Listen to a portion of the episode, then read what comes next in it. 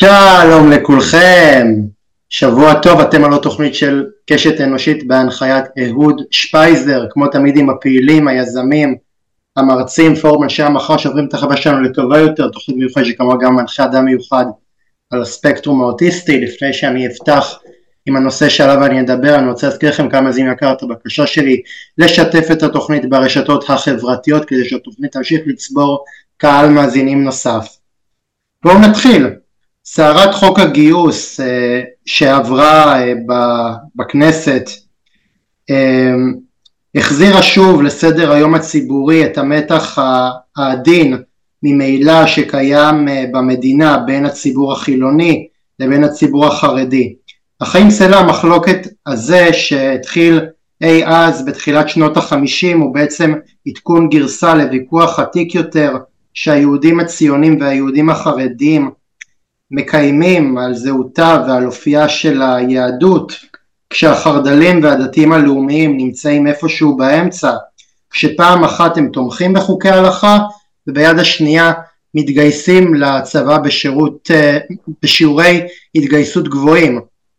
כדי אה, לדון בהרחבה על הנושאים האלו שהפכו לצערנו לתזכורת כואבת למציאות בה אנו חיים אני גאה להציג את האורח שלי להפעם הוא חוקר אה, בצוות אה, חברה ואוכלוסיית אה, תחום החברה החרדית. עבודתו עוסקת במגוון נושאים ביניהם חינוך, אקדמיה, תרבות, זיכרון קולקטיבי, אתניות, הוראת התנ"ך ועוד. הוא בעל תואר דוקטור לסוציולוגיה מהאוניברסיטה העברית, תואר MA בסוציולוגיה מאוניברסיטת בר אילן ותואר BA בפסיכולוגיה מהאוניברסיטה הפתוחה, במקביל לעבודתו כחוקר אה, במכון הוא מרצה לסוציולוגיה באוניברסיטה העברית ובאוניברסיטה הפתוחה, איזה כיף לי, הוא משמש אה, כעיתונאי באתר אה, ynet במדור יהדות ואינו מעורכי האתר חרדים 10, כמו כן הוא מחבר סדרת ספרים על התנ"ך בהוצאת דני ספרים ובוגר אה, ישיבות אה, הגבוהות כל תורה ועטרת ישראל. האורח שלי הוא דוקטור אליעזר עיון, שלום אליעזר. שלום, נעים מאוד, לשמוע ככה את כל הרשימה הזאתי, זה...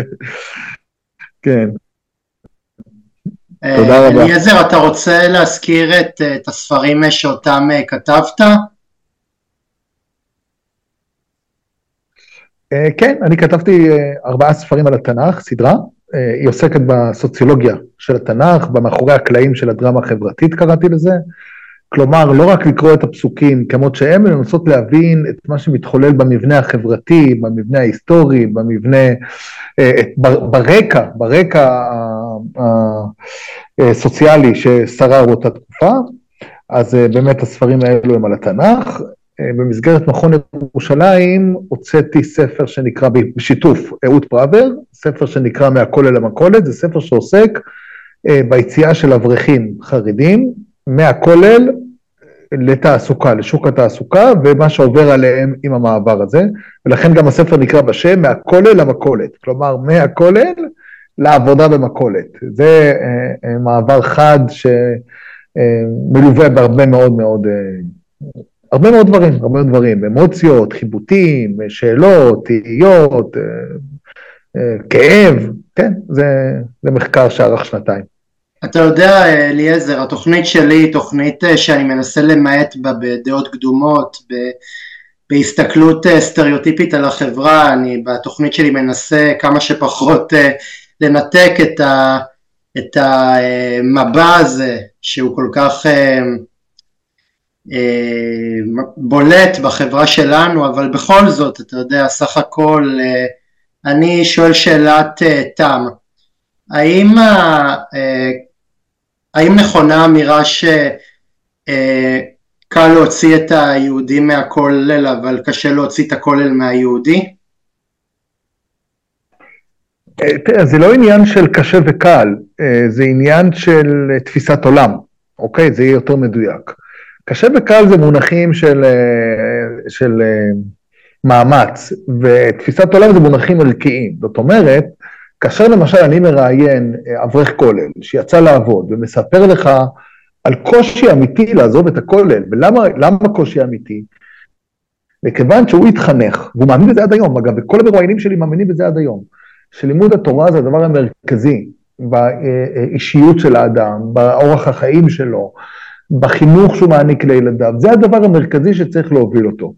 ולכן, כאשר אדם מתחנך על בסיס התפיסה הזאת, והוא ממשיך להאמין בה, וההורים שלו האמינו בה, וכל המשפחה שלו מאמינה בה, אה, ושוב, אני, אני מדגיש שזה מגיע ממקום פנימי ואמיתי, זה לא מן השפה ולחוץ. כל המרואיינים שלי, בלי יוצא מן הכלל, יש לי פרק שממש בודק את זה.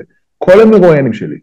אה, אה, ולכן, כאשר הם עוזבים את הכולל ויוצאים לעבודה ופוגשים את העולם הגדול, ופוגשים אנשים שהם לא דתיים, ויוצאים, ל, ל, ל, אתה יודע, מה שנקרא מחוץ לחממה, הם נתקנים בקשיים מאוד מאוד משמעותיים. זה לא פשוט, אתה מרגיש שאתה נטשת מקור מים חיים לטובת משהו שהוא לא כזה, לא כזה שווה.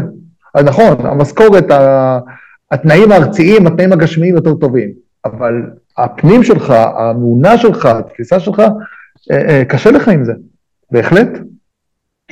אז אה, אליעזר, כאחד שהוא לא יוצא הקהילה החרדית, אני מדבר על עצמי, מהו להערכתך הרציונל לקחת סוגיה כל כך נפיצה, כל כך אפילו הייתי אומר סרת טעם ואפילו מאוד מאוד מאוד לא טקטית ופוגעת ברגשותיהם של כל כך הרבה מגויסים צעירים מהציבור החילוני, אפילו עזוב חילוני, הציבור המסורתי, ודווקא אותה לקדם בתקופה שהיא גם ככה כל כך רגישה מבחינה לאומית וביטחונית.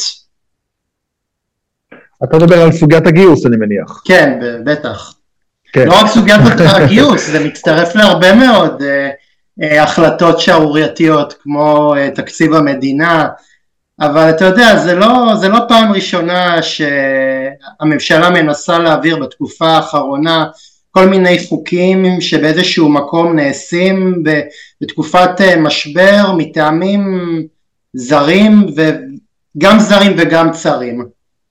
אז אני שואל מה, מה, מה הרציונל, למה, למה הפוליטיקאים החרדים לא לא, לא נעמדים מול, אה, מול רוח השעה ו, ומשתפים פעולה במאמץ המלחמתי?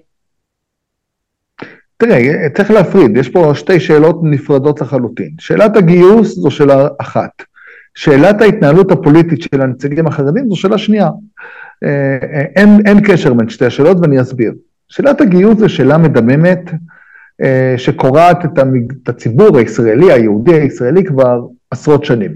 כן, איך יכול להיות שיש קבוצה לא קטנה בציבור של, אה, אני יודע כמה, החרדים מונים היום כ-13% מכלל הציבור בישראל, איך יכול להיות שיש קבוצה לא קטנה שמסרבת אה, לשרת, מסרבת לי, מה שנקרא לקחת חלק בנטל, אה, ולמרות זאת נהנית עדיין מזכויות ונהנית עדיין מכל ההטבות שמגיעות לכל אזרח במדינה. זה שאלה אחת. אה, אה, השאלה הזאת, צריך לומר, שעד השביעי באוקטובר התחילה להיות משעממת. זאת אומרת, היא הייתה שאלה מאוד אקוטית, מאוד מעוררת סערה לפני 10-15 שנים. בשנים האחרונות זה כבר נמאס, באמת, אני אומר לך את זה גם כעיתונאי וגם כסוציולוג, כבר פחות, פחות, הבינו שכנראה זה לא הולך לקראת איזשהו פתרון, צריך למצוא איזה, איזשהו מתווה שיהיה מוסכם על כולם, ויאללה, בואו בוא נשכח מזה כבר. כן? היו, היו פה שתי אקסיומות. אקסיומה אחת, אי אפשר לגייס חרדים בכוח. אי אפשר להכניס טנקים לבני ברק ולא, ולהוציא חיילים. אקסיומה שנייה, המצב הזה לא כל כך הגיוני, צריך למצוא פתרון. ניסו למצוא איזה... מה קרה בשביעי באוקטובר? מה שקרה בשביעי באוקטובר זו מלחמה. במלחמה הזאת יש הרבה מאוד חיילים, יש הרבה מאוד נופלים, והשאלה הזאת היא עוד פעם צמחה ועוד פעם עלתה, במיוחד על רקע הרחבת ימי המילואים, בטח שמעת על זה בשבוע האחרון, שמרחיבים את ימי המילואים, וזה מחדד את ה... לא יכולתי, לא יכולתי לברוח מזה, זה היה בכל... אה, זה היה בכל מהדורות החדשות וזה היה אפילו ברשתות החברתיות. בדיוק, ו- בדיוק. ו- ו- ואני יכול להגיד שהרבה מאוד אנשים אה, הקימו קול זעקה על זה, אפילו אנשים שבדרך כלל אה, אם תשאל אותם אה, מה דעתם על הצבא, הם אפילו היו מעדיפים צבא צבא מקצועי ושתהיה הפרטה מוחלטת של הצבא, זה אפילו אותם עצבן העניינים האלה. נכון, אבל, אבל, אבל כמו שאמרתי וכמו שאתה גם בעצמך מרמז, השביעי באוקטובר אה, אה, הוביל אותנו להבנה שצריך צבא גדול, הוביל אותנו להבנה שצריך את גם חיילים לכאורה חרדים, והשאלה הזאת עכשיו מגיעה לפתחם של, ה, של החרדים ושל החילונים כאחד, ולא יכולו להתחמק מזה, ויהיו חייבים למצוא פתרון. וזו שאלה מאוד מאוד מאוד קשה, שבאמת צריך לשבור את הראש, ואני לא יודע אם אני יכול לתת לך תשובה כאן בשעה שלנו, אני ניסיתי לתת במאמר שכתבתי במסגרת מכון ירושלים, איפה שאני עובד, ניסיתי לתת כל מיני פתרונות, אה, אם תרצה לדבר עליהם בהמשך, אה, אבל אין ספק שזאת תהיה סוגיה, מה שנקרא רגע האמת. רגע האמת הגיע, גם של הפוליטיקה החרדית, גם של הפוליטיקה הישראלית, גם של בית המשפט, כי המצב הזה לא יכול להימשך. זה סוגיה אחת. השאלה השנייה ששאלת, לגבי התקציבים. אז תשמע, אני לא מספיק בקיא בזה, אני, ואני חושב שרוב הציבור לא בקיא בזה. רוב הציבור לא יודע בדיוק למה הולכים התקציבים, ואיך הולכים, ומה הכמות, ומה היחס, ומה הפרופורציה. אני אתן לך דוגמה למשל, אופק חדש, כן? אופק חדש זה אה, אה, תוכנית, אני הייתי מעורב באופק חדש לחינוך מיוחד, אז אני קצת מכיר את זה, זו תוכנית שבאה להיטיב עם המורים בחינוך החרדי, כדי שיהיו יותר שעות, כדי שיהיה יותר ליבה, כדי שיהיה יותר לימודים. והרבה מאוד אנשים לא מבינים שחלק מהתקציב שהולך לזה הוא בסך הכל תקציב שיעזור להשתלבות של החרדים ב- בישראליות, אתה מבין? זאת אומרת, השאלה הזאת של תקציבים היא שאלה, אני, אני לא הייתי כל כך uh, מתייחס אליה ברצינות, כי צריך להיות באמת מעורה עמוק עמוק עמוק במפת התקציבים כדי להבין האם יש פה באמת משהו שהוא לא, שהוא לא לגיטימי, אוקיי? ואני לא בטוח שזה נכון. לכן אני לא מאוד מתרגש מהנושא הזה של ה-30 מיליון האלו, שזה לא סכום כל כך גדול אגב, כשמסתכלים, ב, אתה יודע, תקציב המדינה הוא מאות מיליארדים, זה לא, לא, לא, זה, מה ש, לא זה מה שישבור פה את החברה הישראלית, לדעתי לפחות. יש איזושהי התניה פבלובית אה, ב, בחברה החילונית אה, של הפוליטיקאים החילונים, שכשהם אומרים ש, שכשעובר כסף אה, לחינוך חרדי הם ישר מאבדים את הצפון. אמ, כן, תשמע, צריך לבדוק מה זה החינוך הזה, אני אתן לך דוגמה אפילו הכי קטנה בעולם שיש. החינוך של ש"ס, כן? החינוך של ש"ס, אה, אה, לפחות דקלרטיבית, כלומר הצהרתית, אני מדגיש, הצהרתית, יכול להיות שיש כאלו שיתווכחו, אבל דקלרטיבית, בש"ס אומרים, אנחנו מלמדים לימודי ליבה מלאים. אוקיי? זה הצהרה שלנו, זה ה-say שלנו, זה החינוך שלנו. אם אתה נותן להם את התקציב שלהם, מה הבעיה בזה? מה הם שונים מהתקציב של חינוך ממלכתי רגיל? מה, בגלל שקוראים להם ש"ס, בגלל שהם ספרדים, בגלל שהם חרדים? אתה יכול לבוא ולטעון טענה אחרת, שזה לא נכון, שהם לא מלמדים, זה כבר ויכוח שאפשר להתווכח עליו, צריך ללכת לבית משפט, אני לא יודע מי צודק. אני מניח שאפשר להאמין להם, אבל זה לא מעניין עכשיו, זה לא מעניין. העיקר דגלרת, כל עוד הם מצהירים שהם אה, אה, אה, מעניקים לימודי ליבה מלאים, אני לא רואה סיבה שלא לתת להם את מה שמגיע להם, אתה מבין? אז לכן, לכן אני אומר שהנושא של התקציב, הוא נושא שקל מאוד לדבר עליו בלי להבין בו כלום. זה מה שמרגיד אותי. הנושא של גיוס זה באמת נושא שנחקר, ויש שם מה להגיד, ויש תשובות, ויש דברים ברורים, ויש אה, אה, נורמות, ויש אמירות, בסדר. הנושא של תקציב זה כל כך הרבה פרטי פרטים וסעיפים, שקשה לבוא ואתה יודע, באיזושהי אמירה בטלוויזיה, לבוא ולהגיד, לא, זורקים לחרדים כסף. צריך לבדוק למשל מה, מה קורה בתיאטראות, צריך לבדוק מה קורה בתקציב, בתקציב הפנאי, צריך, אתה מבין? קיצור, אני אומר, עד שאני לא אהיה אה, אה, יושב, עד שאני לא אהיה רפרנט במשרד האוצר, אני לא חושב שזה יהיה רציני להתייחס לשאלה כזאתי, ולא רק אני, אלא כל מי שמתבטא בתקשורת בעניין הזה. אליעזר, עד כמה המחלוקות אה, שלקוחות אה, מהמושגים הידועים לנו לעייפה, כמו חוק הגיוס, הופיעו כן. כבר אה, במסורת אבותינו סביב הסוגיות של גיוס לצה"ל ושל הקרבה עצמית. מה זה מסורת אבותינו? 100 שנה, 200 שנה, 500 שנה, 2,000 שנה? אתה יודע מה, נלך אפילו יותר, יותר אחורה, לתקופת, לתקופת בית שני. Mm-hmm. בית שני זה אלפיים שנה בערך. או שאתה, או, או שאתה רוצה שאני, שאני אדבר על, על, על תקופות שהן יותר אה, מודרניות. לא, תשמע, בגדול, בגדול, זאת אומרת, הרעיון הזה של חברת הלומדים, מה שנקרא, כן? זה מונח סוציולוגי, אבל הוא כבר הפך לנחלת הכלל. חברת הלומדים, העובדה שבחורי ישיבות לומדים ולא מתגייסים לצבא, אה, זה משהו ישראלי, זה, זה, זה משהו מודרני, זה משהו של, של מיקום המדינה, אוקיי? לפני זה תמיד היו אה, חיילים יהודים בכל מקום שהם. אם זה היה בצבאות אה, השונות, בצבאות, כן, בכל, בכל ימי הביניים, בכל הזה, ובטח אם אנחנו הולכים אחורה לימי בית שני, הזכרת את ימי בית שני, מה קרה אחרי בית שני? שני מרידות גדולות, נכון? המאה הראשונה לספירה והמאה השנייה לספירה. המרד הגדול ומרד בר כוכבא. מי, מי, היה, מי, היה החייל, מי היו החיילים במרד? אנשים דתיים כמובן, כן? זאת אומרת, העובדה שאנשים אה, אה, לחמו ואנשים היו בצבא זה דבר שהוא היסטורית כמובן קיים. גם נכון היסטורית שהייתה קבוצה שקראו לה שבט לוי, שגם לא נחלה בארץ, בטח אתה יודע את זה, היא לא קיבלה נחלה בארץ, כי באמת התפקיד שלה היה תפקיד יותר דתי. היא הייתה בבית המקדש, היא הייתה אחראית על הלימוד, היא הייתה אחראית על השירה, היא הייתה אחראית על כלי הקודש, הייתה אחראית על עבודת הקודש. אה, אה, אם אנחנו קופצים הרבה מאוד שנים קדימה, ל-200 השנה האחרונות, אה, באמת להתפתחות של החרדיות, כמו שאנחנו מכירים אותה היום, אז עולם הישיבות במאה ה-19 וגם במחצית הראשונה של המאה ה-20 לא היה כל כך גדול. אולי יש כל מיני מספרים, אבל אין ספק, כל מיני סוציולוגים והיסטוריונים כותבים מספרים, אבל די מוסכם שזה לא מספרים שאנחנו מכירים היום, אוקיי?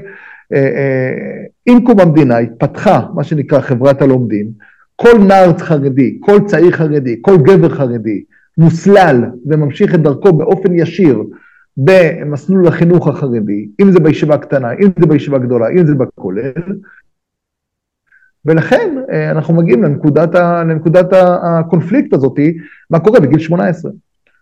אנשים חילונים בגיל 18 הולכים לצבא, אנשים חרדים הולכים לישיבה, ופה מתחיל הבלאגן. אבל ההתלבטות הזאת, המאבקים האלה, הניסיון הכמעט, הכמעט נצחי הזה לגייס את החרדים אה, לצה"ל, הרי אתה יודע, זה אני, אני לא חושב שכשאתה אה, בגולה וכשאתה פטור מהסוגיה הלאומית, הנושאים האלה הם נושאים שהם בכלל רלוונטיים. אז אה, מדוע אה, ברגע שבאיזשהו היום, באיזשהו מקום הושגה פשרת הררי, כל הנושא הזה של הגיוס של החרדים הפך להיות למשהו שבאיזשהו מקום, אני לא אומר כולם, אני לא אומר אה, שכל החרדים לא מתגייסים, אבל זה נהיה נושא שבאיזשהו מקום כל כך אה, מלהיט את היוצרות בחברה החרדית? זו שאלה טובה. אה, תראה, אני, אני חושב שזה, אפשר להצביע על שלושה גורמים מרכזיים. גורם אחד זה באמת האמונה המאוד מאוד בסיסית של העולם החרדי, שהיום לא שייך להישאר דתי, לא רק חרדי, להישאר דתי אפילו, שומר תורה ומצוות, בלי שאתה הולך לישיבה. כלומר, אם אתה תלך לצבא ולא תלך לישיבה, יש חשש מאוד גדול שאתה תנטוש את הדת, אתה תוריד את הכיפה, אתה לא תשמור תורה ומצוות. וזה פחד אמיתי. תחשוב, המילה חרדי מגיעה מהמילה חרדה הרבה מאוד פעמים, אני לא יודע אם זו הייתה הכוונה מראש, אבל, אבל זה מאוד מסתדר. העולם החרדי באמת מגביה את החומות כי הוא מאוד מאוד מאוד פוחד ממה שקורה בחוץ. חרדים זה, חרדים זה לדעתי הגדרה, זה הגדרה סוציולוגית, אפילו... לגמרי, לגמרי. אתה תשאל לבן אדם אה, עם, אה, עם, עם כיפה ועם שטריימל מה הוא לא, הוא אפילו לא יחשוב רגע ו- ויסווג את מידת החרדות שלו, אלא הוא יגיד ישר, אני, אני חרדי. נכון, נכון. מונח נכון, סוציולוגי. נכון, לחלוטין, לחלוטין. אתה יודע שפעם היו קוראים לזה, בראשית, אה, בראשית ימיה של המדינה, היו קוראים לקבוצה הזאת אדוקים. לא חרדים, אדוקים. ואיך היו קוראים לחילונים, אתה יודע? איך? חופשיים. מה? אדוקים וחופשיים. אדוקים וחופשיים. חופשיים, כן.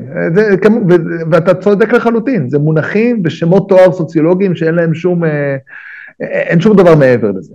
אבל, אבל, בסופו של יום, אה, יש באמת פחד, יש חרדה, יש אימה, כמעט אימה הייתי אומר, שהגיוס ההמוני לצבא יגרום אה, לאיבוד המושכות, יגרום לאיבוד החממה, יגרום לאיבוד הגבולות, שעדיין שומרים את החרדים בפנים. זה גורם אחד מאוד מאוד מאוד ברור. אה, אה, יש גורמים נוספים, תראה, יש את, ה, יש את האמונה, שהיא גם מגיעה ממקום אמיתי, אתה יודע, אפשר להתווכח, אפשר לא לקבל את זה, אבל אי אפשר להתווכח בכנות של האמונה הזאת, שהרבה מאוד חרדים מאמינים בכל ליבם שלימוד התורה מגן על העם היהודי. זאת אומרת, זו תפיסת עולם. אני יודע שיש אנשים שלועגים לזה, ויש אנשים שזה מצחיק אותם, ויש אנשים שאומרים, מה זה השטויות האלו? אם אתה לומד תורה ומתפלל וקורא בספר, אז אתה תוריד עוד כמה מחבלים במנהרה? התשובה היא כן, יש הרבה מאוד אנשים, מאוד הרבה מאוד אנשים שמאמינים בכל ליבם שהתשובה היא חיובית. הלימוד תורה שלי מגן לא פחות, לא פחות, מאשר, מאשר, אתה יודע, כל חייל. כמו שחיל האוויר צריך את חיל הקרקע, את, ה, את, את הטכנאים ואת הטבחים ואת ה...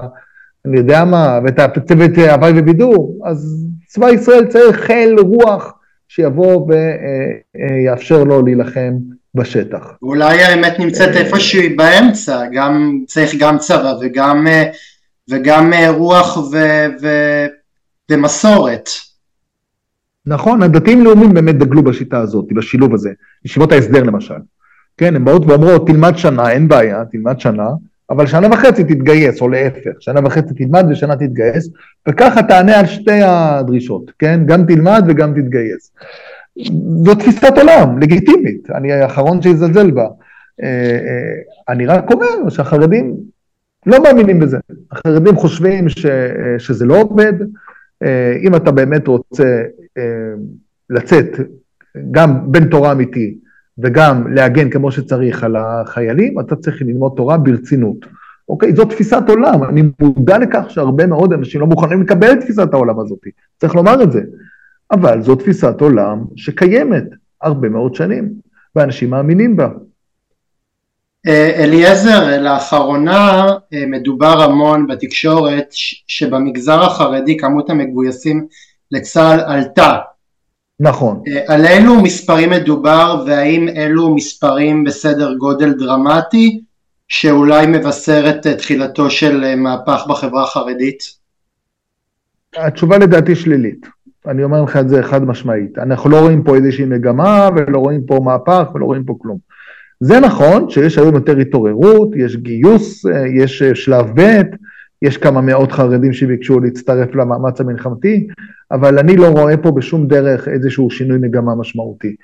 כדי שיהיה שינוי מגמה משמעותי צריך לקרוא משהו הרבה יותר גדול, צריך שיהיה שינוי מהקרקע, מלמטה, מהשורש, שאנשים יבואו ויראו בצבא אלטרנטיבה אמיתית, שיראו ב, ב, ב, בשירות הצבאי איזה אופציה שעומדת לצד הלימוד בישיבה. זה לא קיים היום. היום כל גבר חרדי, כל צעיר חרדי, מוסלל באופן מאוד מאוד ברור, מאוד ברור, מוסלל והולך וממשיך בדרך המאוד מאוד ברורה של לימוד תורה במוסדות החינוך עד החתונה וגם אחר כך, מה שנקרא כולל אברכים. בטח שמעת על המושג הזה. ללמוד תורה ש... גם אחרי החתונה. כן. זאת אומרת, אה, ולכן אני, אני מודע לכך שיש מספרים, יש מאות, זה, אני לא מזלזל בזה, אה, אבל לבוא ולדבר על איזשהו שינוי דרסטי, שינוי מגמה, אני לא רואה את זה קורה. זאת אומרת, אתה שותף אה, לדעתו של אה, ידידי שהתארח כמה תוכניות לפניך, הרב דוב אלברטל, שבאיזשהו מקום טוען שהמספרים הם עדיין לא... לא... לא דרמטיים. זה לא, זה לא תזוזה טקטונית, מה שנקרא. נכון, זה לא דרמטי, אני מסכים איתו לגמרי, כן, מסכים. כן, מסכים. כן. שדרך אגב, אה, אני חייב, אה, שדרך אגב לזכותו ייאמר, הוא מאוד מאוד אה, בעד גיוס של חרדים אל צבא הגנה לישראל, ואני חושב ש, שבתקופה הזאת גם הרבה מאוד אנשים מהציבור החרדי שינו, שינו את תורם או את טעמם. אבל אני אה, כמובן אה, חושב... אני אגיד לך על זה משהו, אני אגיד לך על זה משהו, אהוד, אני אגיד לך משהו. אמ, גם אני, קודם כל, גם אני באופן כללי מאוד מאוד בעד גיוס, ומצד שני, מצד שני, אה, כאשר אני פוגש תלמידי ישיבה שלומדים ברצינות, וכשאני אומר ברצינות, הכוונה היא ברצינות ממש. כלומר, 10, 12, 14 שעות ביום יושבים מול הספר ולומדים ברצינות, הם מוכנים לשלם מחירים כלכליים גבוהים עבור זה. למשל, למשל, יש לי אח אה, אה, שמתפרנס בערך 1,500 עד 2,000 שקל בחודש, יש לו שישה ילדים, ממש, אני אספר לך ממש, אח שלי ממש. יש לו שישה ילדים, הוא מתפרנס מ-2,000 שקל בחודש מהכולל, אשתו מורה מרוויחה עוד כמה אלפי שקלים, תעשה לבד את החשבון, תבין שהאיש אה, חי בצניעות מופלגת, אה, שישה ילדים, זה לא מעט, חי בצניעות מופלגת עבור אה, ערך לימוד התורה שאליו הוא בחר, הוא ואשתו כמובן, בחרו להקדיש את החיים שלהם. כשאני רואה כזה דבר, אני אומר לעצמי, יש לי כבוד לזה. יש לי כבוד לזה. כי אני רואה פה בן אדם שמוכן להקדיש ומוכן להקריב את הנוחות שלו בשביל הערך שהוא מאמין בו, לא משנה אם אתה מאמין בזה או לא, הוא מאמין בזה שעל ידי כך הוא מגן ומשרת. אני לא, אני, אני לא יכול לשפוט איפה אתה... הבעיה שלי? איפה הבעיה שלי? רק אני, שנייה, אני אסיים אהוד, איפה הבעיה שלי? בהרבה מאוד מאוד מאוד מאוד צעירים חרדיים, שזה מספרים לא קטנים, שהם לא, מוכ... לא חיים כמו אח שלי, הדוגמה שהבאתי, שלומי קוראים לו, לא חיים כמו שלומי. הם, אתה יודע, לומדים שעתיים פה, שעתיים שם, יוצאים, חוזרים, פה הבעיה שלי. אותם הייתי רוצה שיהיו בצבא, את החבר'ה האלו הייתי רוצה לראות בצבא. אוקיי? אם אני הייתי בגילם, הייתי רוצה גם להיות בצבא. אבל אה, אה, אה, כן יש לי כבוד לאותם אנשים שבאמת מוכנים להקריב את הנוחות הפיזית שלהם עבור הערך שהם מאמינים בו. כן, בבקשה, סליחה. אני לא יכול לשפוט לא, לא טוב ולא אף אחד אחר שהוא מה, מהאוכלוסייה הזאת, אני, אני מנסה להבין אה, מה, מה, מה חושב אדם שמתוקף אה, היותו אדם אה, מאמין, אדם דתי, בוחר במסלול חיים כזה ולא בוחר במסלול חיים כזה. כי אנחנו, אתה יודע, החבר'ה שלנו מהחברה החילונית אומרים לעצמנו איך, איך הם יכולים, כאילו אנחנו ממש מרגישים, מרגישים תחושת תחושת בגידה, תחושה שכאילו אה, מישהו, אה, מישהו בגד בנו, שהוא באיזשהו מקום החליט לבחור אורח חיים כזה על פני אורח חיים, חיים אחר, אבל מי שבאמת באמת באמת משקיע ובאמת אה, לומד ולא נתלה בכל מיני לקונות חוקיות כדי לצאת לידי חובתו, אני,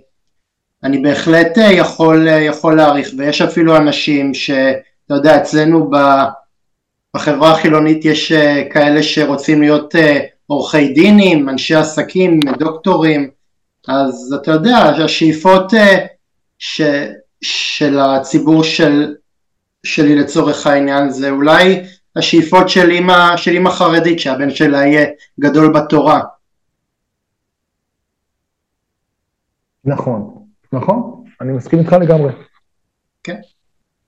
אני בטוח שג, שגם אתה כשאתה הלכת ל, למסלול שאתה הלכת בו זה אולי גם כן אה, קצת הפתיע, אני לא יודע אם אתה מהחברה החרדית או שאתה אה, דתי לאומי. לגמרי, לגמרי, כשאני התחלתי, לא לא אתה צודק לגמרי, לא לא אתה צודק לגמרי, משתייך לחברה החרדית וכשאני התחלתי לפני 18 שנים, כן, הרבה מאוד שנים אחורה, את המסלול האקדמי שלי, את הקריירה האקדמית שלי, היינו בסך הכל 100 סטודנטים, משהו כזה, פחות או יותר. 100 סטודנטים חרדים באקדמיה. התחלנו פחות או יותר ביחד, אה, אה, עודד אותנו לכך אדם בשם פרופסור עמירם גונן, זיכרונו לברכה, טוב להזכיר את השם שלו. אה, היינו קבוצה מאוד קטנה, כשאני מדבר איתך על 100 זה כלום, היום יש כבר למעלה מעשרת אלפים, אבל אז היו 100 סטודנטים בכל האוניברסיטאות בארץ, חרדים, וזה היה יוצא דופן, בהחלט, זה היה יוצא דופן. אליעזר, כשהפוליטיקאים החרדים עולים לכנסת ומנסים לקדם חוקי הלכה מהסוג שאני ואתה אה, מכירים, האם זה נעשה בידיעה שיש מאחוריהם ציבור שתומך בזה, או שלמען האמת הציבור החרדי פחות מתעסק בנושאים הללו כל זמן אה, שלא מתערבים לו בשגרת יומו? יש את מה שנקרא הסטטוס קוו, נכון? הסטטוס קוו שאנחנו מכירים הרבה מאוד שנים, הגרסה הרשמית לפחות, הפורמלית, של הפוליטיקה החרדית, שאנחנו לא מעוניינים לגעת בסטטוס קוו, מצד שני אנחנו לא רוצים גם שתפרמו אותו. אנחנו רוצים להשאיר את זה כמות שזה, לא רוצים דברים חדשים, אבל גם אל תיקחו אותנו אחורה.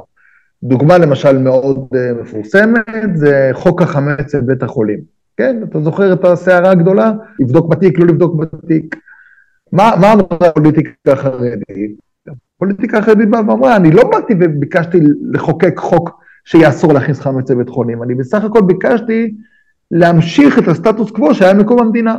מקום המדינה היה חוק שאסור להכניס אה, חמץ למקומות ציבוריים, אה, אה, ואני מבקשת לאכוף את החוק הזה שהיה, אוקיי? תשים לב שאתה לא תפגוש הרבה חוקים חדשים, חוקי הלכה נקרא לזה, או חוקים מחמירים, חדשים, שמעבר לסטטוס קוו. זה צריך לומר לפוליטיקה חרדית. מה כן אני יכול לומר בהמשך לשאלתך? יש לפעמים התבטאויות של חברי כנסת חרדים, התבטאויות לא חכמות בלשון המעטה, שלא מבינים את המרחב שבו הם חיים, שלא מבינים את הרגישות, שלא מבינים את הפחד של ציבור אה, אה, אה, ישראלי אה, ליברלי רחב, והם מנפיקים אמירות שמכעיסים אותם, ומקוממים אותם, ומפחידים אותם, ופועלים שלא בחוכמה, ומהדבר הזה אני מסתייג, בהחלט, בדבר הזה אני מסתייג. שאלת האם הציבור החרדי עומד מאחורי זה. אני חושב שחלק גדול ממנו אדיש. אני לא חושב שהוא נגד, הוא פשוט אדיש, כן? אה, אה, לאמירות אה, קיצוניות, וזה לא כל כך מעניין את הפרט החרדי. הפרט החרדי מתגורר בין כה באזורים חרדיים. זה לא כל כך, תחבורה ציבורית, אני אתן לך דוגמה, בקריית ספר, יהיה תחבורה ציבורית בשבת? נניח שבתל אביב תהיה תחבורה ציבורית, איך זה משפיע על, על תושב בקריית ספר? זה לא באמת משפיע, גם לא בביתר וגם לא בבית שמש, נכון? יש סוג של אדישות. הפוליטיקאים החרדים חייבים להיזהר ולחשוב עשר פעמים לפני שהם מנפיקים איזה שטות מהפה שלהם שגורמת לסערת. אז נגיד, אם, נגיד אני מסתכל כמו, על אדם כמו גולדקנופ, שאתה יודע שהוא באמת אה, הביא את האיוולת, אה, לא נקרא לזה הפוליטית, כי אני לא יודע באמת איזה פוליטיקאי. תשמע, אם, הייתי יועץ של גולדקנופ, אם אני, אם אני הייתי יועץ שלו הייתי מציע לו פשוט לא להתראיין. אני אומר את זה בעדינות. פשוט, הייתי מציע לו פשוט... פשוט שורה, פשוט שורה של, של, של פנינים מטומטמים, אידיוטים, שרי טעם, ואני שואל את עצמי עד כמה בן אדם כמו גולדקנופ באמת מייצג uh, מישהו או משהו בציבור החרדי, כי אני מסתכל על זה, זה הרי כל כך, עזוב, עזוב, עזוב, עזוב uh, שזה חוסר טקט, מה, מה הרעיון להגיד בתקופה כזאת ובתקופה שבה אתה יודע אנחנו מלקקים את, ה, את הפצעים להגיד את האיוולת הזאת כמו אה, אין קשר בין מה שהממשלה עושה לבין השבעה באוקטובר הרי ברור שיש קשר. מה, מה יוצא לו מלהגיד אה, דבר אהוד, כזה? אני, אה, אהוד אין לי שום דרך בעולם להצדיק או לייצר איזה מנגנון הגנה לדברי ההבל האלו. פשוט אין לי שום דרך אני מצטער אין לי שום דרך. אני לא ביקשתי ממך. זה האיש, זה האיש, זה הפנינים שבורחות לו מהפה, וחבל, זה, זה מה שאני יכול להגיד. צר לי, צר לי, אני אגיד את זה עוד יותר, צר לי שהוא אחד המייצגים של הציבור החרדי.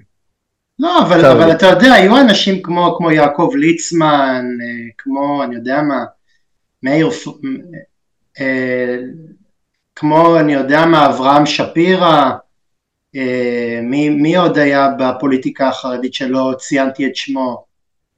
אה, היו, היו, רבים, וטוב, היו רבים וטובים, ו, ו, ואני חושב שזה באמת... היה זרדיגר, היה מזרחי. שהם, שהם, שהם כאילו באיזשהו מקום אה, אה, ידעו גם לשתף פעולה עם פוליטיקאים מהציבור החילוני ובאיזשהו מקום אה, תמיד אה, ידעו שהם דואגים לציבור שלהם ושהם סקטוריאליים, לא היה עם זה שום בעיה, אבל אה, לדעתי הבוז הזה כלפי כל מי שהוא לא, לא אתה, כלפי מישהו שהוא לא נמנה עם, עם השבט שלך, זה באמת, זה, זה, זה שובר שיאים וזה, וזה מקומם.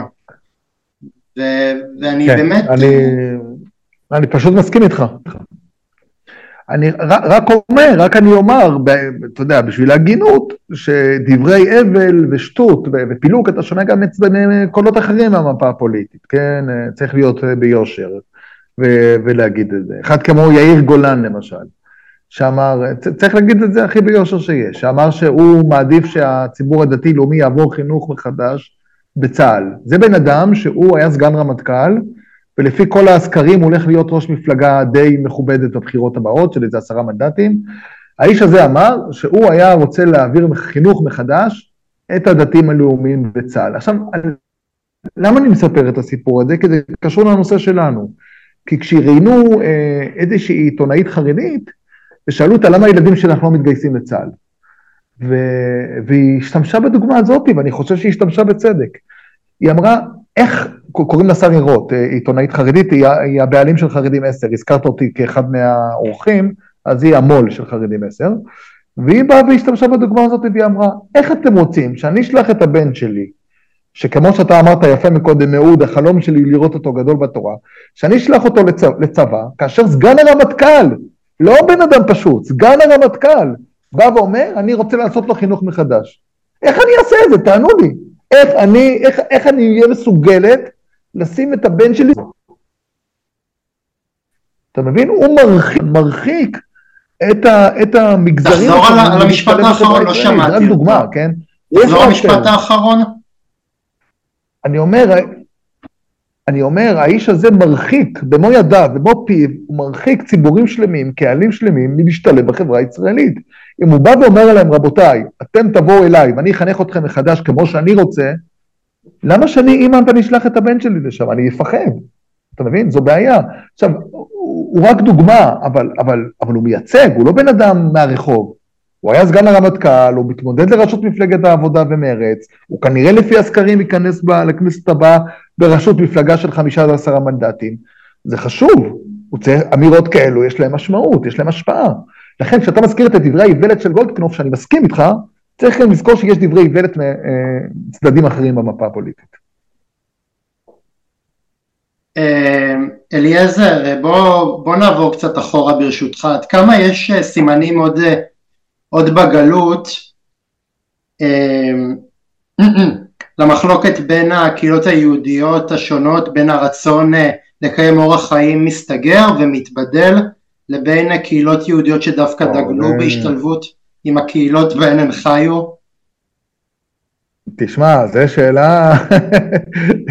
ספרים, ספרים, ספרים נכתבו על השאלה הזאת. אתה מדבר כמובן על, אתה יודע, על תנועת ההשכלה ותנועת הרפורמה, בהחלט.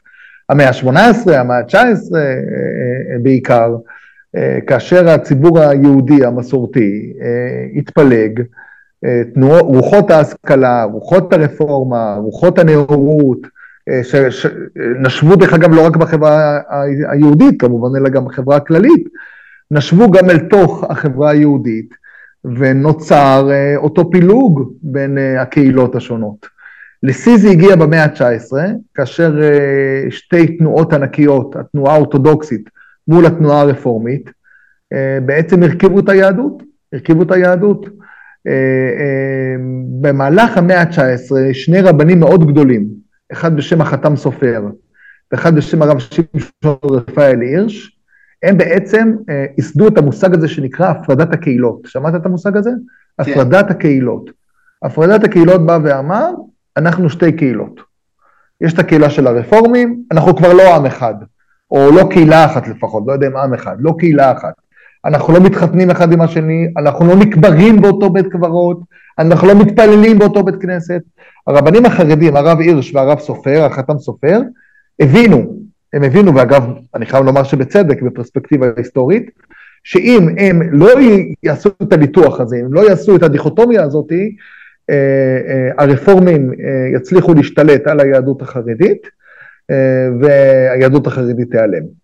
ובאמת צמיחתה של האורתודוקסיה במהלך המאה ה-19, בהחלט. החרדיות כמו שאנחנו מכירים אותה היום. מעניין, זאת אומרת... אז כן, אתה צודק, אתה צודק, בעבר הקהילות היו הרבה יותר הרמטיות, לרב היה הרבה יותר כוח על הקהילה שלו, אבל עם אה, אה, תהליך האיור, עם התהליך של ההשכלה, עם התהליך של המעבר לערים הגדולות, לאט לאט הדבר הזה התפרק, אה, אה, ונוצרו, נוצרו שתי זרמים גדולים בחברה היהודית. היית, היית יכול אה, לאפיין את הקהילה החרדית בתקופת הגולה כאל, כאל איזושהי, קהילה שמנהלת יחסי כבדהו וחשדהו עם, ה, עם האוכלוסייה של, ה, של המקום שבו היא חיה? בוודאי, בוודאי, בוודאי. אחד מה... תראה, קודם כל, הם לא היו צריכים לעשות כבדו וחשדהו, כי הם תמיד היו נרדפים, הם תמיד היו בעמדת מיעוט, והם תמיד היו אה, אה, הקבוצה שצריכה למצוא חן בעיני הקבוצה השלטת, כן? אה, אה, אתה יודע, אם תסתכל לאורך כל ההיסטוריה, לכל אלף שנים האחרונות, מסעי הצלב, ואחרי זה גזירות תח ותת, ואינקוויזיציה כמובן לפני זה, בקיצור, אה, אה, היהודים תמיד היו סוג של נטע זר שהיו צריכים אה, למצוא חן בעיני השליט כדי שיצליחו להמשיך להתקיים. עלילות הדם, הגטאות, אפשר לדבר על זה שעה שלמה. היהודים במשך אלפיים שנות גלות היו מבודלים באופן מוחלט מהסביבה הגויית, מהסביבה שקלטה אותם. זה גם עמד להם, זה עמד להם לזכותם, כי זה אפשר להם להישאר חטיבה בפני עצמה.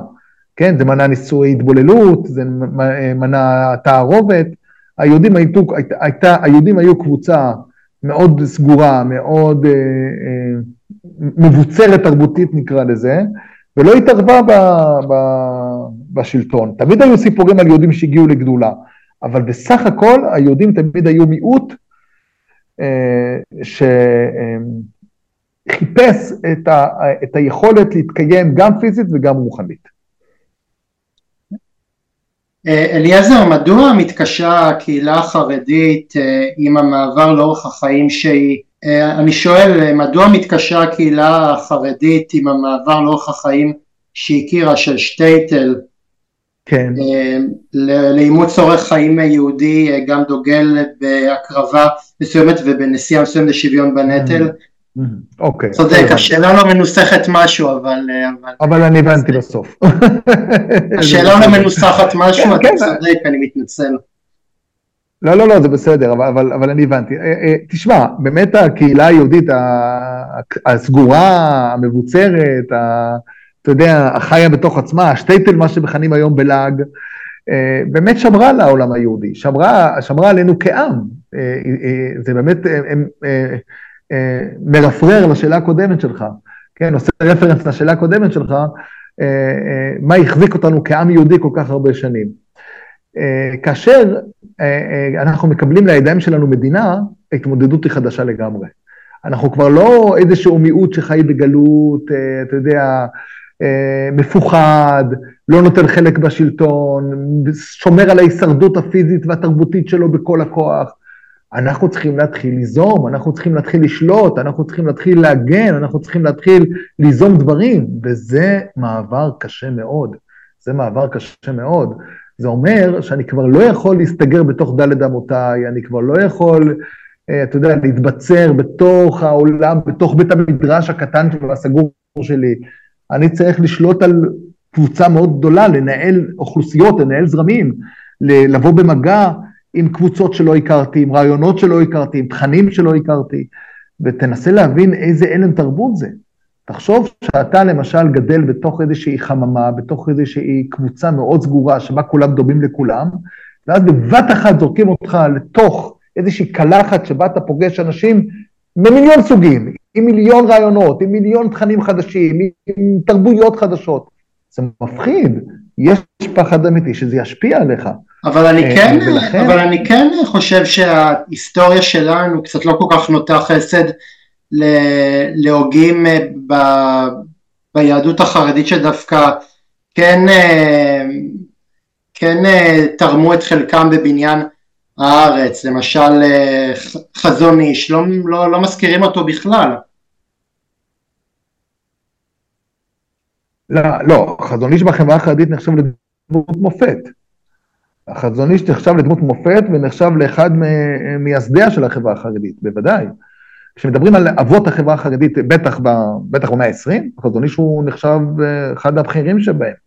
ביחד עם הרב שך, ביחד עם החפץ חיים, ביחד עם הרב גוג'ינסקי, ביחד עם הרב אסרמן, ביחד עם הרב מבריסק, בוודאי. אה, אה, אבל אני חוזר שוב, החרדה הזאת אה, מפני ישראליזציה נקרא לזה, מפני עירוב מוחלט בחברה הישראלית, יש באמת פחד של איבוד שליטה, של איבוד עשתונות, של איבוד, אתה יודע, כרסום בתרבות שאליה הוגלנו, וזה מאוד מאוד מפחיד את העסקנים החרדים, זה מאוד מפחיד אותם. היית, מה לצורך העניין? אגב, לא רק את העסקנים, לא רק את העסקנים, זה גם מפחיד הורים חרדים, כמו שהזכרתי מקודם. יש לי שאלה, כן. מה באורח חיים או בחזון הציוני דווקא איתו החרדים לצורך העניין כן, כן אה, מקבלים? כי אני באיזשהו מקום, אולי זה נאיבי מצידי, אולי זה... אולי זה באיזשהו מקום לא תואם מציאות, אבל אני באיזשהו מקום אה, לא, לא הייתי רוצה שנאבד את ה... את ה, את ה לא הייתי רוצה שנאבד אה, כל קהילת שפיות אה, דעתה ושבאיזשהו מקום ניכנס לעימות בלתי נמנע אחד עם השני. אני כן הייתי רוצה להבין מה, מה, מה בסך הכל אה, הקהילה החרדית דווקא כן אה, אה, אמ, כן אה, באיזשהו מקום אה, סוגפת לכף זכות, מאמצת לכף זכות מה, מהציונות, הרי, הרי אני מתאר לעצמי שלולא הציונות אמ, היה, היה קור... היינו ממשיכים להיקטש באירופה, אז אני באיזשהו מקום, כשאני מסתכל על זה אני דווקא אמ, אני רוצה להאמין שיש איזושהי התכתבות אה, הדדית בין שני, בין שני הזרמים שהם, שהם שונים אבל דומים. אחד... תשמע, אה, התשובה לשאלה הזאת היא מורכבת, זו שאלה מאוד עמוקה, זו שאלה מאוד עמוקה, והתשובה לשאלה הזאת היא מורכבת. אמ, בתוך החברה החרדית יש זרמים שונים, זה לא גוש הומוגני אחד שאתה יודע שהוא, כולם חושבים אותו דבר. היו הרבה מאוד רבנים בחברה החרדית, בחברה החרדית, שראו את הציונות כ... כנס, כנס. כי אתה יודע, המדינה ולימוד התורה שפתאום פרח, והקמת הישיבות, והתקציבים, וכמו שאמרת, אה, הסכנה הפיזית שהייתה עלינו וחלפה פחות או יותר, כן, אתה יודע, כמובן, אה, אחרי השביעי באוקטובר יש כאלו שמתקשים, אבל עדיין אין ספק שאנחנו הרבה פחות מסכנה מאשר היינו לפני קום המדינה, כאשר טבחו בנו שישה מיליון אנשים ולא אלף מאתיים. אה, אה, היו מאוד, הרבה מאוד אה, רבנים ציוניים, סליחה, רבנים חרדים מרכזיים, שראו בציונות סוג של נס, כן? היה, הייתה התבטאות, אחד מהגדולים התבטא, אולי הרב בריסק, או אני לא זוכר מי, לא בטוח, זה סוג של חיוך של הקדוש ברוך הוא. הקדוש ברוך הוא חייך אלינו באמצעות הציונות, אוקיי? יחד עם זאת, יחד עם זאת, יש חשדנות מאוד גדולה. המילה חשדנות היא מילה חשובה. יש חשדנות מאוד גדולה, יש מין אה, אה, פחד שהחילונים רוצים לחלן אותנו, שרוצים לקחת אותנו ולהפוך אותנו לחילונים, הם יעשו את זה באמצעות הצבא, הם יעשו את זה בכל מיני אמצעים, ולכן אנחנו צריכים להיזהר מהם. אז שתי התפיסות האלו קיימות בחברה החרדית, בהחלט. אליעזר, כאחד שחוקר את השסע הדתי בתוך החברה החרדית, כן. עד כמה אה, יהדות אה, המזרח אה, הטמיעה בתוכה עמדות שלא היו מנת חלקה אבל נאלצו להתאים את עצמם לסדר היום שמזוהה עם החסידות האשכנזית? לא החסידות אלא הליטאיות יותר נכון. לא החסידות, ליטאיות. הליטאיות, כי אני מתאר לעצמי ש, שאתה צמחת אצל, אצל, כי אתה מה שנקרא יהודי ספרדי שבאיזשהו מקום התחנך אה, נכון. בחצר הליטאית. חינוך ליטאים. כן.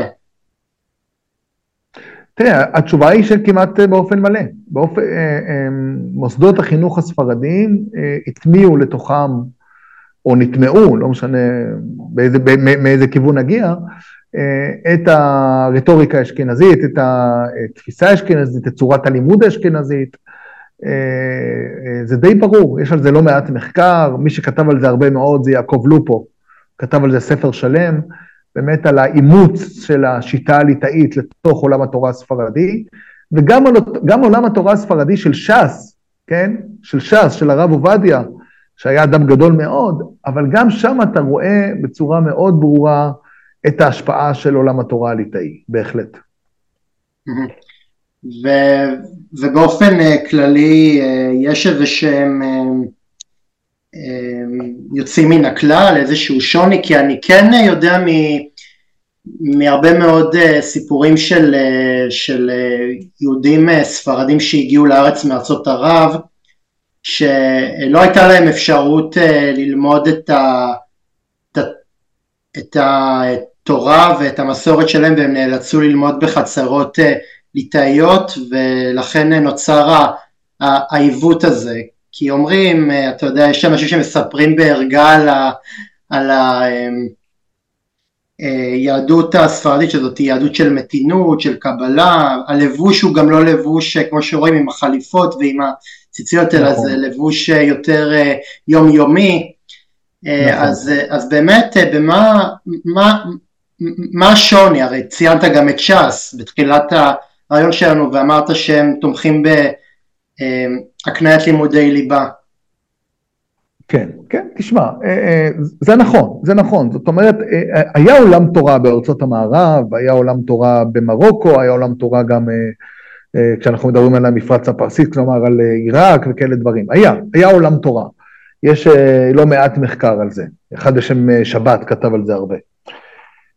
מצד שני, אה, בארץ ישראל, הפריחה של עולם התורה, הפריחה של עולם הישיבות, הפריחה של עולם הדיינות, עולם הרבנות, הוא די נמצא בהגמוניה אשכנזית. כלומר, גם כאשר ש"ס היום שולטת בעולם הרבנות, אבל אני מדגיש, עדיין המוטיבים, עדיין ההשפעה המרכזית היא השפעה של עולם התורה הליטאי. צריך גם לזכור, צריך גם לזכור שבמספרית, אל תשכח, אה, אה, אהוד, במספרית, רוב היהודים חיו באירופה, כן? אנחנו מדברים על אה, כמה, באמת פערים מאוד מאוד גדולים. 80 אחוז מול 20 אחוז, אולי, אולי אפילו פחות, של יהודים שחיו בארצות המזרח. גם בארצות האלו, כאשר התחילה ההשכלה, מוכיח לופו שהיהודים האשכנזים הגיעו לשמה, ולימדו שם את התלמידים תורה בסגנון האשכנזי, לקחו אותם לישיבות, ולכן בסופו של יום, אנחנו יודעים היום שרוב רוב עולם התורה שפועל בארץ ישראל, הן הספרדי והן האשכנזי, הוא פחות או יותר מושפע מהעולם הליטאי, בהחלט. יש יוצאי דופן, יש ישיבת כיסא רחמים למשל בבני ברק, של הרב מאיר מזוז, אם שמעת על זה.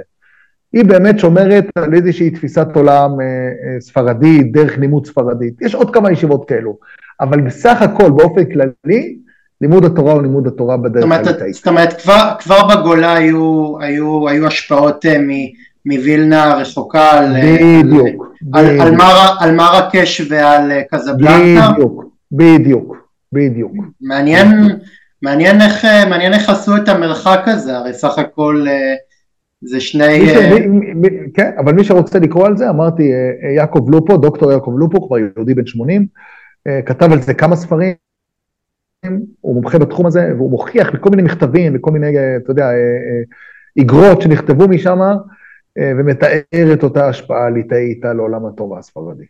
זאת אומרת שזה גם כן לא, לא נכון, שהשפעות היו כבר אז, ופשוט הכו שורש ביתר שאת ברגע ש... אמ, כן. החלה העלייה המונית לארץ תראה, ישראל. תראה, יש מחקר מאוד גדול, אם זה, תראה, אם זה מעניין אותך, יש גם מחקר מאוד גדול סביב פורת יוסף. ישיבת פורת יוסף הוקמה בשנת 1923, לפני מאה שנה. אה, וזו הייתה ישיבה ספרדית, לא ישיבה ליטאית.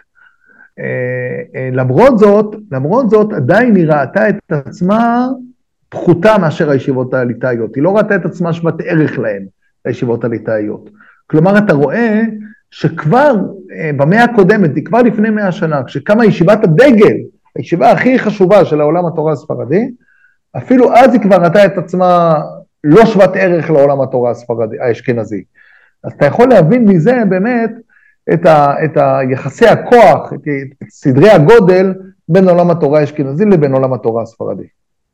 אליעזר, ניקח את הרעיון הזה לקראת סיום, ובאמת, האם אתה חושב כן. שלאור העובדה שהפוליטיקאים החרדים נתפסו uh, בתקופה האחרונה עם המון פליטות פה בעייתיות מצד נבחרי הציבור שלהן uh, כלפי עניין הגיוס ועניין השוויון בנטל uh, גורמים, הדברים האלה גורמים לכך שאולי נראה תחילתו של מהפך פוליטי בפוליטיקה החרדית?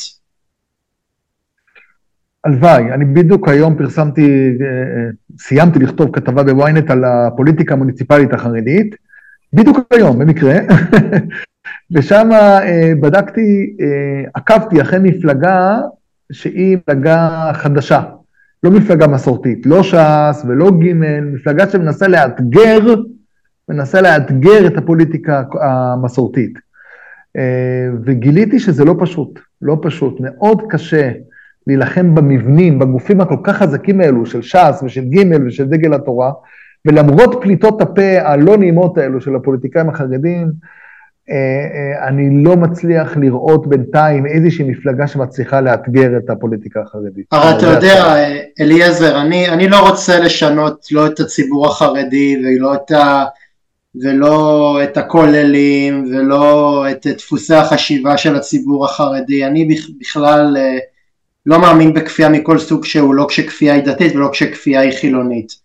אבל אני חושב שבאיזשהו מקום אה, אני, אני רוצה לראות פוליטיקה חרדית אה, מסוג שאולי אה, יכיר בכך שגם אם המציאות והמרחב שהיא פועלת פה היא, היא חילונית, עדיין באיזשהו מקום מתקיים איזשהו כבוד מינימלי בין, בין הציבורים השונים, כי זה לדעתי הדרך היחידה לחיות פה. נכון. תראה, אני, אני איתך בשאיפה הזאת, אני איתך בחלום הזה. אה, אה, באופן אופרטיבי זה מאוד קשה לקרוא, והסברתי למה. החשדנות, החשדנות והפחד כל כך גדולים, שלא מאפשרים, אגב לא רק לחרדים, גם לחילונים, אבל הם לא מאפשרים איזה שהם ניסיונות הידברות. אני אתן לך דוגמה למשל, אני אתן לך דוגמה עכשיו מהצד השני. בוא נניח שמביאים איזשהו מתווה כן, מתווה של גיוס, שמאפשר להרבה מאוד חרדים להתגייס. נניח, נניח. ואז קם אחד כמו יאיר גולן, אני לוקח אותו כדוגמה, אבל שוב, זה רק דוגמה, ובא ואומר, לא, עד שלא מגייסים אותם לגמרי, ושנכנסים לתוך הישיבות ומוציאים אותם בכוח, זה לא אני לא מסכים לזה. זאת אומרת, הקיצוניים, המסוכנים נקרא לזה, נמצאים משני הצדדים, אתה מבין?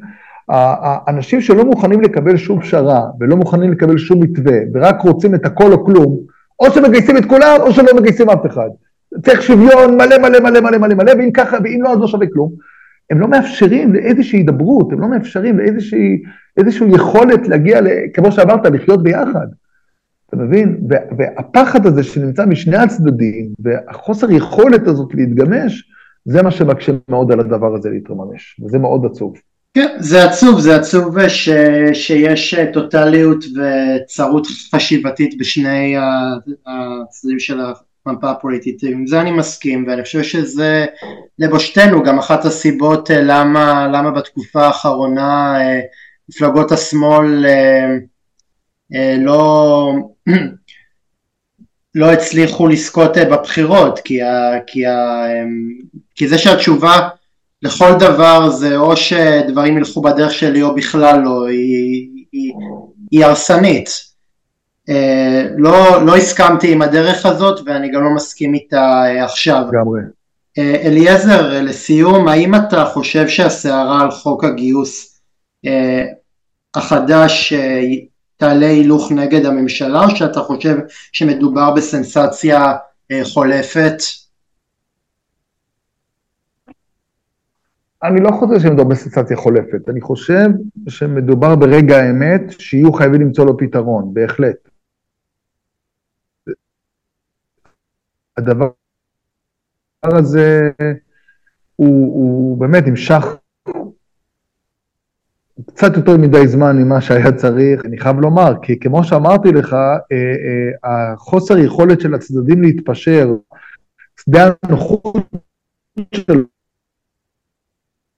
לא, בתוך השדה שהוא מכיר, בתוך... אני לא שמעתי את המשפט האחרון, תחזור עליו. לסגור את זה. מה? מה היה המשפט האחרון? תחזור עליו.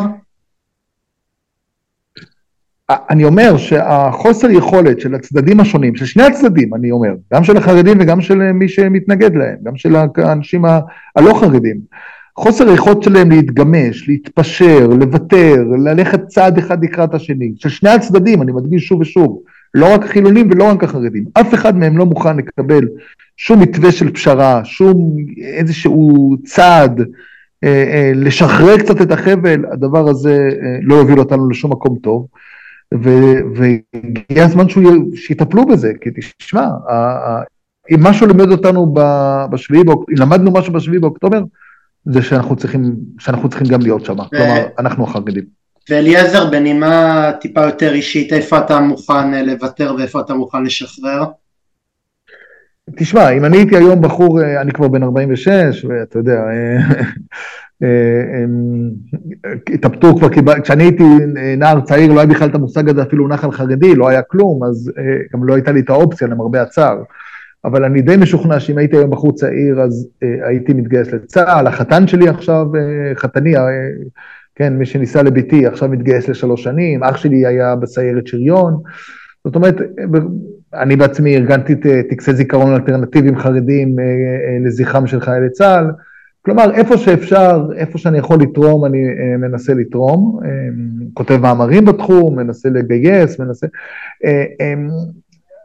האם אני קול קורא באפלה, האם אנחנו קבוצה קטנה של חרדים אקטיביסטים שמנסים לעשות שינוי? לצערי עדיין כן. אמ, דבר אחד אני כן יכול להגיד, אולי זה כמו שאתה אומר נימה אופטימית. אה, יש היום איזושהי הכלה של חיילים בציבור.